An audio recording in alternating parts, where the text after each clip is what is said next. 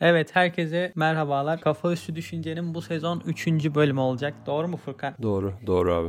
Bugün her zamanki formatımızdan biraz daha farklı bir içerikle sizlerle birlikteyiz. Aslına bakarsanız biz genel manada çok fazla aktüaliteye dahil olmak istemiyorduk ama bu 6 Şubat 2023 tarihinden bu yana o kadar yoğun bir şekilde bu gündemin içerisinde kaldık ki deprem konusuna kayıtsız kalamadık. Evet. Ee, konumuz Deprem. Evet deprem. Ve işin e, kötüsü bu aslında içinde yaşadığımız coğrafyada olan bir deprem. Yani aslında bakarsanız tabii ki Türkiye olarak hepimizi etkiliyor ama Ali ile benim hali hazırda yaşadığımız, içinde ailelerimizin, arkadaşlarımızın, sevdiğimiz insanların olduğu bir bölgede olan bir deprem olduğu için buna kayıtsız kalmamız herhalde imkansızdı. Bizim için çok çok çok zor geçti. Ben Adana'da yaşıyorum. Furkan Şanlıurfa'da yaşıyor. Evet. İkimiz de depremden etkilendik. Ama şöyle bir durum var. İkimiz de ve ailelerimiz de dahil olmak üzere çok şükür böyle çok çok ileri boyutta bir etkilenme söz konusu olmadı. Şimdi bu bana şunu düşündürüyor. Hemen ben bir yerden giriyorum Furkan izninle.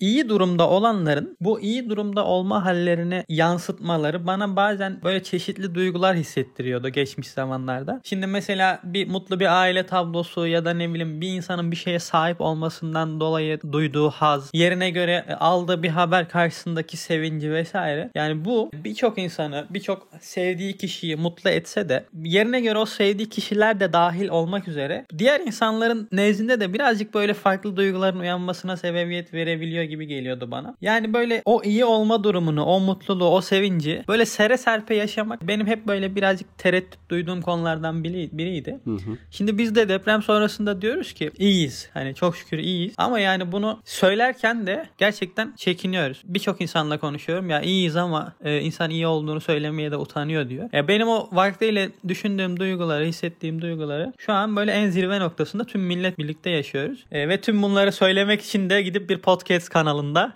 e, Evet. bir podcast yayınında tüm Türkiye'ye ilan etmek için iyi olduğumuzu hem harika bir seçim Ali Yıldırım. Doğru söylüyorsun. Abi dediğin gibi aslında bir depremi de biz zihinlerimizde yaşadık gibi hissediyorum. Yani belki de asıl depremi zihinlerimizde yaşadık. Çünkü hali hazırda süre gelen yaşamımızla ilgili doğru bildiğimiz ne varsa artık bir yani şüpheyle baktığımız bir hale büründüler. Yani kendimizi güvende hissetme duygumuzu bir ölçüde kaybettik. Sevdiğimiz insanların onları kaybedebileceğimizi fark ettik vesaire. Aslında yani kabul ettiğimiz birçok şeyin aslında hani varlığını kabul ettiğimiz ve süreceğini düşündüğümüz birçok şeyin aslında o kadar da elimizde olmadığını vesaire hissettik. Gerçekten aslında belki de asıl depremi zihinlerimizde yaşadık Ali bilmiyorum ya. Şimdi barınma ihtiyacı çok temel bir ihtiyaç. En temel ihtiyaç belki de. Biz niçin dört duvar arasına giriyoruz? Güvenlik için değil mi? Ama burada öyle bir çelişki oluşuyor ki en çok güvenlikle hissettiğin yerde en güvensiz hissetmeye başlıyorsun. Bu sefer evin içine girmek istemiyorsun. Kaç günde ve benim şehrimde günlerce evler bomboş. Şehir boşaldı yani. Bütün binalardan kaçtı. Bizim en temel şeyimiz de aslında bu. Sığınak noktamız. İnsanın en güvenli hissettiği yerin bir anda en güvensiz hale gelmesi gerçekten çok çok tepkili yani insanın çok zihnini karıştıran bir şey. Ben şanslıyım ki o deprem anında o coğrafyada değildim. Deprem ortamında değildim. Onu yaşamadım ama ailemi sorduktan sonra ikinci sorduğum şey evdi. Ev nasıl diye. Çünkü insanlardan evlerini çıkardığın zaman geriye hiçbir şey kalmadığını fark ettim. Çok çok insanların böyle çıplak bir halde kaldığını fark ettim. Çok üzücü, çok korkutucu bir şeydi. Aslında en güvendiğimiz ya yuva dediğimiz, en zor günlerimizde sığındığımız, dışarı çıkmadığımız yer bir anda en tehlikeli yer haline geliyor. Bu gerçekten bambaşka bir şey abi. Bambaşka bir şey. Gerçekten insan kötü hissediyor ve hiçbir şeye eskisi gibi bakamıyorsun bir süre sonra. Öyle de oluyor yani. İnşallah da bakmayız. Eski bakış açılarımız çok da iyi değilmiş gibi geliyor bana. Ha. Ya ama şu olacak yani. Çok da sürmeyecek ya bu unutumumuz. Çünkü insanın psikolojisinden az buçuk anlıyoruz. Bir insan olarak zaten önceki deneyimlerimiz de var. En acı, en travmatik, en bizi üzen zamanlar bile çok kısa bir süre sonra akıldan uçup gidebiliyor. Bu biraz hayatta kalmamızın, hayatta kalmamızın da bir sebebi ya da ne bileyim kalabilmemizin de bir nedeni ama unutup gidiyoruz. Tabii ki. İyi ki de gidiyor. İyi ki de gidiyor. Bu çok güzel bir şey. Yani birçok yaşadığımız acıyı, travmayı unutabiliyoruz. Evet. Ama şu an bu o kadar da çabuk ve kolay olmayacak. Kesinlikle. Evladını, annesini, babasını, sevdiği insanı ya ailesinden 20 kişi birden vefat etmiş mesela. Evet. Eve gitmiş, arabası gitmiş, iş yere gitmiş. Bundan sonra hayatında ne olacağına dair hiçbir fikri yok. Yani bu niye o kadar kolay unutulamayacak biliyor musun? Çünkü doğrudan doğruya hayatını etkiliyor. Yani bir şeyin sadece bir şeyin kaybedilmesi, sadece bir kişinin vefatı değil. Yüzlerce şey değişti. Mesela bir ofisi vardı. Ofiste gidip avukatlık yapıyordu. Artık ofis yıkılmış. Adliye yıkılmış. Hani veya bir züccaciyeci dükkanı vardı. Bütün mallara gitmiş. Sermayesinin tamamını oraya bağlamıştı. E artık yani onu toparlamak için unutmak çok kolay olmayacak. Yavaş yavaş yavaş yavaş yavaş yavaş ama şunu kesin bir şekilde söyleyebilirim. Türkiye'nin toplumsal yapısını hatta jeolojik yapısını, ekolojik yapısını, aklına gelecek neredeyse her şeyi tamam mı? E, etkileyecek ve etkisi uzun yıllar sürecek kadar büyük bir hadise yaşadık bence. Öyle yani bir deprem oldu, bir hafta 10 gün enkazlar, insanlar e, sonrasında bitti gibi bir şey olmayacak. Çok uzun süre ve hatta belki yüzyıllarca bu deprem konuşulacak. Bana öyle geliyor. Ya sana sana katılmak isterdim ama öyle olmayacağını e, düşünüyorumdan ziyade biliyorum. Hani tabii ki de birinci derecede yaşayan insanlar bunu asla unutamayacaklar. Çünkü bazı insanların dediğin gibi aileleri kayboldu, akrabalarını kaybettiler. Bu zamana kadar yaşamayı öğrendikleri, bildikleri şehirler yok oldu. Onlar bunu asla unutmayacaklar. Zaten buna unutacaklarını söylemek çok zor. Ama ben şu an mesela depremin gerçekleşmediği bir coğrafyadayım. O yine aynı ülke içerisinde. Burada hayat normal akışında devam ediyor. Tabii ki de üzülenler, tabii ki de bu durumdan etkilenenler var ama burada hayat çok hızlı bir şekilde normale dönüyor. Umarım tabii ki de unutulmaz, önlemler alınır vesaire. Bu çok çok önemli ama biraz insanın yapısı gereği, biraz böylesi işimize geldiği için mi bilmiyorum. Bu bu bu diğer insanlar tarafından unutulacak. Bilmiyorum ileride nasıl olur ama bir noktada unutulacağı kesin bence bilmiyorum. Senin kadar iyimser değilim yani. Ya devam eden somut etkiler oldukça bana biraz zor geliyor. Şimdi mesela şey konuşuluyor. E, deprem sonrası meydana gelen işte enkazın, o molozların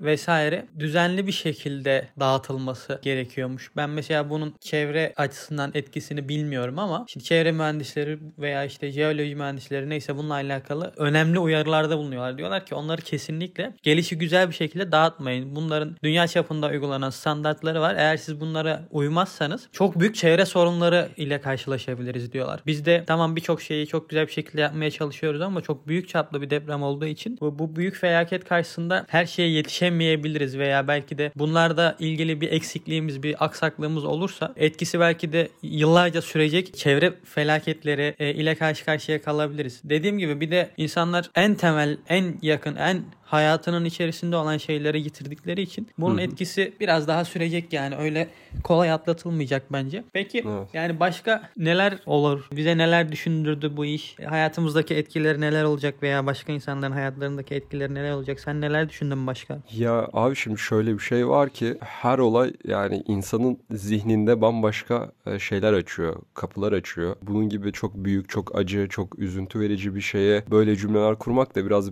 beni açıkçası utan utandırıyor. Ama ister istemez bir şey yaşandıktan sonra o yaşanmamış gibi de davranamıyorsunuz. O, o sizde bazı etkiler bırakıyor. Ee, herhalde bunun üzerine düşünmek, bundan ders çıkarmak veya işte hayatın geri kalanıyla alakalı bazı sonuçlara varmak ve ona göre adımlar atmak için de onun üzerine düşünmek gerekiyor gibi geliyor bana. Ondan dolayı da yani ben epey kendime ders çıkarmaya çalıştım. Baya böyle hatta bu konuyu konuşalım, konuşalım mı konuşmayalım mı diye seninle tartışıyorduk ya hatırlarsın. O günden beridir notlar alıyorum ya konuşursak şunlar da vesaire mesela falan ne diye. ne aldın ne konuşabiliriz ya, ya mesela şey var bazı yanılgılarımız var bunları konuşabiliriz gibi geliyor. Örneğin hep biz şöyle bir yanılgımız var. Diyoruz ki hayat hep üstüne koya koya gidecekmiş gibi bir yanılgımız var. Hmm, ya işte e, evet. işte okuldan mezun oldum işte iş buldum evlendim işte çocuk sahibi oldum ne bileyim ev aldım araba aldım işte vesaire. Şöyle oldu böyle oldu bilmiyorum. Oradan sonrasını takip takip edemedim mi? Sürekli bir yükseliş söz konusu gibi geliyor. Evet evet aynen öyle. Sürekli bir ilerleme vesaire olacakmış gibi. Ama aslında böyle olmayabileceğini de bir yandan tekrar hatırladık gibi oldu bu. Çünkü hayatımın %99'u bu depremden etkilenen 10 ilde geçiyor. Burada sevdiklerim, arkadaşlarım ve hepsi orada yaşıyorlar ve ister istemez çok üzülerek şahit oldum ki yani birçok arkadaşım evlerini kaybetti, sevdiklerini kaybetti. Belki de geriye doğru bir adım attıklarını hissediyor hissediyorlar şu an. Çünkü bazı arkadaşlarımın bu ifadelerine de şahit oldum. Bu bu inanılmaz bir insanı nasıl diyelim heyecanla demeyelim ama enerjisini kıran, onu çok üzen bir şey. Aslında bu evet. bu biraz da hazırlıksız. Böyle bir şey olabileceğine dair hazırlıksız olduğumuzdan kaynaklanıyor. Biz istiyoruz ki Doğru hayat hep hayat hep ileri yönde gitsin. Sürekli üzerine kata kata ilerleyelim. Sürekli üzerine kata kata ilerleyelim ama bir anda bu bunun tam tersi gerçekleştiği zaman pek de buna hazırlıklı değilmişiz gibi hazırlıklı geliyor bana. değiliz. Ya zaten Hı. bize ya dayatılan şey bu ya da biz kendimiz bir şekilde bu sistemin içerisine dahil oluyoruz. Hı hı. Dediğin gibi işte okuyacaksın, sonra evleneceksin, işte varsa askerlik yapacaksın, sonra şöyle şöyle. Ha, bütün aşamalar hazır yani. Evet, ee, evet. Bir insanın Türkiye'de doğup dünyaya gelip işte büyüdükten sonraki yapabileceği her şey şu an e, sabit gibi görünüyor. Evet. Ama aslında bu sabiteleri de yıkmak gerekiyor. Şimdi bu depremin yıkıcı etkileri dedik ya. Hı hı. E, kafamızdaki bu kalıpları da yıkması aslında belki olumlu olarak değerlendirilebilir. Dediğin gibi de hayatın hiçbir zaman böyle dümdüz bir yol olmadığını, yerine göre iniş çıkışların oldu. Hatta yerine göre geriye dönüşlerin de olduğunu unutmamamız gerekiyor. Bence bu gerçekten de önemli ve güzel bir çıkarım. Başka hangi notlarım var? Bu yine bununla ba- bağlantılı. Hep üstüne koya koya ilerlemeyle bağlantılı. Şimdi bana biraz ucuz gelen bir ifade vardır. Şöyle sosyal medyada falan böyle kaydırırken mutlaka gelir böyle motivasyon konuşmaları vesairelerde gelir. Ve beni hep böyle biraz tilt eder tamam mı? Bilmiyorum bizim konuştuklarımızdan da böyle hissedenler var mıdır acaba? Çünkü birbirine karıştırılabiliyor bazen. İşte varsa yazsın Furkan Furkan'ın şu cümlelerinden çok gıcık alıyorum e, diyen varsa söylesin. Yazmayın arkadaşlar moralim bozulabilir. Konfor alanından çıkın e, ne bileyim işte gelişmek için konfor alanından çıkmak gerekir şöyle yapmak gerekir vesaire falan diye böyle çok ezbere çok kli, çok klişe bir söz var değil mi? Olsun Şimdi, ama doğru. Doğru doğru mu yanlış mı işte bakın ben bu depremden sonra bu şüpheye tekrar düştüm. Çünkü istemsizce 13,5 e, milyon insan bu depremden etkilendi ve yanlış hatırlamıyorsam 1.6 milyon insan da evlerinden, yaşamlarından ayrılıp işte o hasarlı binalar veya işte yaşanılamaz çevre vesaire sebebiyle bu depremden etkilendi. Ve ister istemez o yaşamayı bildikleri, etrafı tanıdıkları, çok da zorlanmadan belli bir hayatı sürdürebildikleri o konfor alanından kendi istekleri dışında çıkmak zorunda kaldılar. Şimdi iyi mi oldu diyorsun? Yani iyi mi oldu? Gerçekten iyi mi oldu? Hani hatırlarsın biz bir bölüm yapmıştık Çalışkan Teneke diye ve orada da bahsetmiştik yanlış hatırlamıyorsam. İnsan konfor alanından sadece başka bir konfor alanına, daha büyük bir konfor alanına geçmek için çıkmalıdır. Onun için çıkar demiştik. Ben burada baktığım zaman yine bunu görüyorum. Şimdi insanlar konfor alanından çıktılar. Eskiden çok kolay bir şekilde giderebildikleri ihtiyaçlarını artık gideremez hale geldiler ya. Uzunca bir süre tuvalet problemi oldu deprem bölgelerinde. Evet. Daha daha yani bu çok bu çok üzücü bir şey ve insan bunu düşünüyor. Ya şimdi ezbere işte evinde sıcacık köşesinde otururken konfor alanından çıkın gelişmek için şöyle yapmak gerekiyor, böyle yapmak gerekiyor vesaire diye atıp tutan adamlar bana bir tık daha itici gelmeye başladı artık. Realite biraz daha farklı diyorsun. Evet. Ama bak şimdi depremin ilk anlarında meydana gelen problemler bir yana işte tuvalette veya işte ısınmaydı vesaire. Şimdi bunlar ilk başta yavaş yavaş zaten öncelikli olarak bunlar çözülecek. Sonrasında da şimdi buralar artık her şeyin yenilendiği ve yeni yatırımların yapıldığı bir coğrafyalar haline gelecek. Hatta belki şöyle bir şey olacak. Buralar o kadar güzel bir şekilde e, yeniden imar edeceğiz ki belki de ülkenin en güvenli yerlerinden bir tanesi burası olacak. Şimdi bak zor zamanlar, zor zamanlar güçlü insanlar doğurur. Hı hı. Güçlü insanlar müreffeh zamanlar oluşturur. O müreffeh insan e, müreffeh zamanlar da az önce bahsettiğin konforu oluşturuyor ve o konfor da yeniden çürümeye sebep oluyor. Tekrardan e, insanlar e, yozlaştığı için yine zor zamanları yaşamaya başlıyoruz. Şimdi biz çok biz zor bir zamandan geçiyoruz. İnanılmaz derecede zor bir zamandan geçiyoruz. Bu zor zamanlar güçlü insanlar doğuracak. Hmm. Yani ümit ettiğimiz şeylerden biri bu. Evet tabii ki de psikolojik olarak o yıkımdan kurtulamamış insanlar da muhakkak olacaktır. Ama zor koşullarda yaşamak insanları güçlendirir. Ben buna inanıyorum. Artık insanlar belki de bazı şeyleri daha canla başla yapacaklar ve de bundan sadece biz burada oturduğumuz yerden birçok ders çıkartıyoruz. Bunları daha somut bir şekilde yaşayan insanlar da çok çok çok önemli, çok hayati, inanılmaz çıkarımlar yapacaklardır. Artık hayatlarında nelere önem ver, vereceklerine bir kez daha dikkat edeceklerdir. Ve önceki yaşantılarında ya şunu e, yapıyordum ama aslında artık kesinlikle böyle şeylere dikkat etmeyeceğim. Şunları önemsemeyeceğim. Şunların üzerinde daha da dikkatli duracağım. Şimdi sanki yeniden yaşama şansı verilmiş, yeniden böyle bir hak tanınmış gibi sanki böyle belki de ikinci bir yaşammış gibi gelebilir bazılarına ve artık bundan sonraki hayatımda şu şunu şunu şunu yapacağım, şunları yapmayacağım şeklinde yeni bir tertemiz bir sayfa açmak için bir fırsat oluşturabilir birçok insan için. Ya bugün seni fazlasıyla iyimser görüyorum. Bu biraz canımı sıkıyor Ali. ya tabii ki de e, bundan ders ders çıkarabiliriz ama bilmiyorum yani. Ben senin kadar iyimser değilim. Bugün biraz daha Kardeşim günlerdir içimizi kararttırar. Birazcık yüzümüz gülmesin? Birazcık umut. Sen umut kavramından bahsediyordun. Onu da konuşalım şimdi. olur olur Ee, onu da konuşuruz. Birazcık da umutlu olmayalım? Birazcık da geleceğe güzel bakmayalım mı? Ya tabii ki de tabii ki de umut umut her daim olmalı. Umutun olmadığı yerde hayatına devam etmek çok zor ama şimdi sadece bir umut kavramıyla da şey yapamayız, devam edemeyiz. Aslında şey şudur. Bir psikolojik sağlıklığın, sağlıklı oluşun göstergesi uygun yerde uygun tepki vermektir abi. Yani gözünde canlandır. Bir cenaze ortamında birisi gülüyorsa bunu garipsersin. Cenaze ortamında beklenilen davranış ağlamak veya işte bir eğlencede bir işte bir düğünde, merasimde, partide her neyse bir eğlenceli bir ortamda birisi ağlıyorsa bu da beklenilen bir davranış değildir ve garipselir. Heh, bak tam da bununla ilgili bir örnek vereceğim. Sen dedin ya az önce hayat inişli çıkışlı olabilir. İleri Evet. gittiğini sanarsın her zaman ama bazen Evet. de geriye gitmişsindir. Bir bak şu an 5-0 gerideyiz. Maç yapıyoruz tamam. Evet. 5-0 geriye düştük. Ne yapacağız şimdi mesela? 5-0 gerideyiz deyip çok üzülüp şey mi yapacağız? Dertleneceğiz. Ben de diyorum ki 5-0 gerideyiz ama daha Aha. çok gol atabiliriz. Daha umutlu yaklaşabiliriz. Mücadeleyi bırakmayalım mesela. Tabii ki de tabii ki de mücadeleye bırakmayacaksın. Tabii ki de oradaki insanlar hayata elinden geldiği kadar tutunmaya çalışıyor ama bence bence öncelikle şeyi yaşamak gerekiyor. Hala Evet. çok taze deprem çok da taze ve emin ol bu söylediklerimiz yani işte hayata devam etmeliyiz vesaire falan gibi ifadeleri şu dönemlerde kimse duymak istemez büyük ihtimalle. Çünkü şey, Haklı olabilirsin şeyde ya, evet, evet. şeyde mesleğim aldığım eğitim sebebiyle biraz bir nebze de olsa psikolojik ilk yardım konusunda biraz bilgi sahibiyim ve orada şunu söylüyorlar söyleniyor kaynaklarda ya işte canını sıkma her şey çok güzel olacak vesaire düzelecek gibi ifadeler aslında ilk günlerde söylemek bu pek de yardımcı olmuyor oradaki insanlara. Tabii ki de umut vesaire devam edecek ama ilk başlarda onların yanında olduğumuzu, onların acısını paylaşacağımızı, onlarla birlikte üzüldüğümüzü, on, elimizden gel- geleni yapmak için yanlarınızda olduğumuzu göstermemiz bile aslında onlar için yeterli olabilir. Umut her zaman var, her zaman olacak ama insanlar somut bir şeyler de görmek istiyor abi. Umarım bunu da görürüz önümüzdeki günlerde. Yani bir şeyler olduğunu, in- insanların onları unutmadığını, onlar için çabaladığını vesaire görmeye devam ederiz. Bir,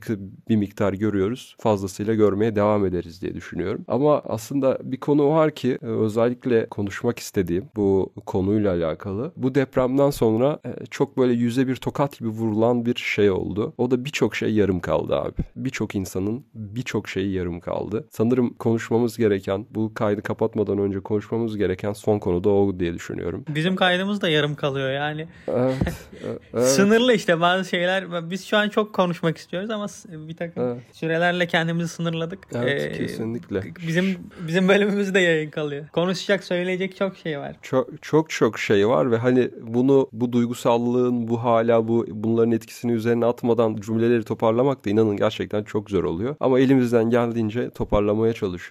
Hayatta şöyle bir yanılgımız var abi. Hayatta her içine girdiğimiz şeyin, her içinde bulunduğumuz şeyin bir sonuca varacağına, bir tamamlanacağına dair bir yanılgımız var. Ama aslında bu depremle beraber sevdiklerimizi kaybederek, içinde yaşadığımız ortamları kaybederek aslında bunun o kadar da doğru olmadığını gördük. Birçok kişinin hikayesi yarım kaldı abi. Birçok kişinin hikayesi yarım kaldı ve bundan çıkarılacak ders bence önceki konuştuklarımızın hepsinden çok daha çok daha fazla. Ne kadar yaşarsak yaşayalım. İstersek 80 yaşımıza kadar, 100 yaşımıza kadar, 120 yaşımıza kadar yaşayalım veya istersek bir sonraki artçı depremde hayatımızı kaybedecek olursak olalım. Mutlaka hayatta birçok şey yarım kalacak. Belki de her şey yarım kalacak. Bunun bilincinde olmak gerekiyor. Sanırım bunun bilinciyle hareket etmek gerekiyor. Ve hala geç değilken, hala geç değilken yarım kalan ve yarım kalacak her şey için herkesten özür dilemek gerekiyor gibi geliyor bana. Bu e, söylenmesi gereken ve söylediğim için şu an rahatladığım bir şey. Yarım kalan her şey için şimdiden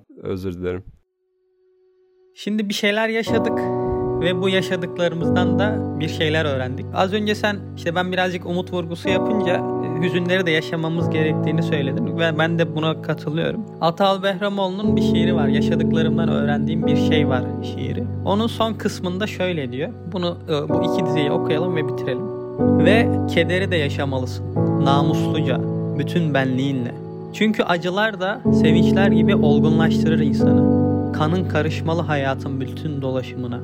Dolaşmalı damarlarında hayatın sonsuz taze kanı. Yaşadıklarımdan öğrendiğim bir şey var. Yaşadın mı büyük yaşayacaksın. Irmaklara, göğe, bütün evrene karışırcasına. Çünkü ömür dediğimiz şey hayata sunulmuş bir armağandır. Ve hayat sunulmuş bir armağandır insana.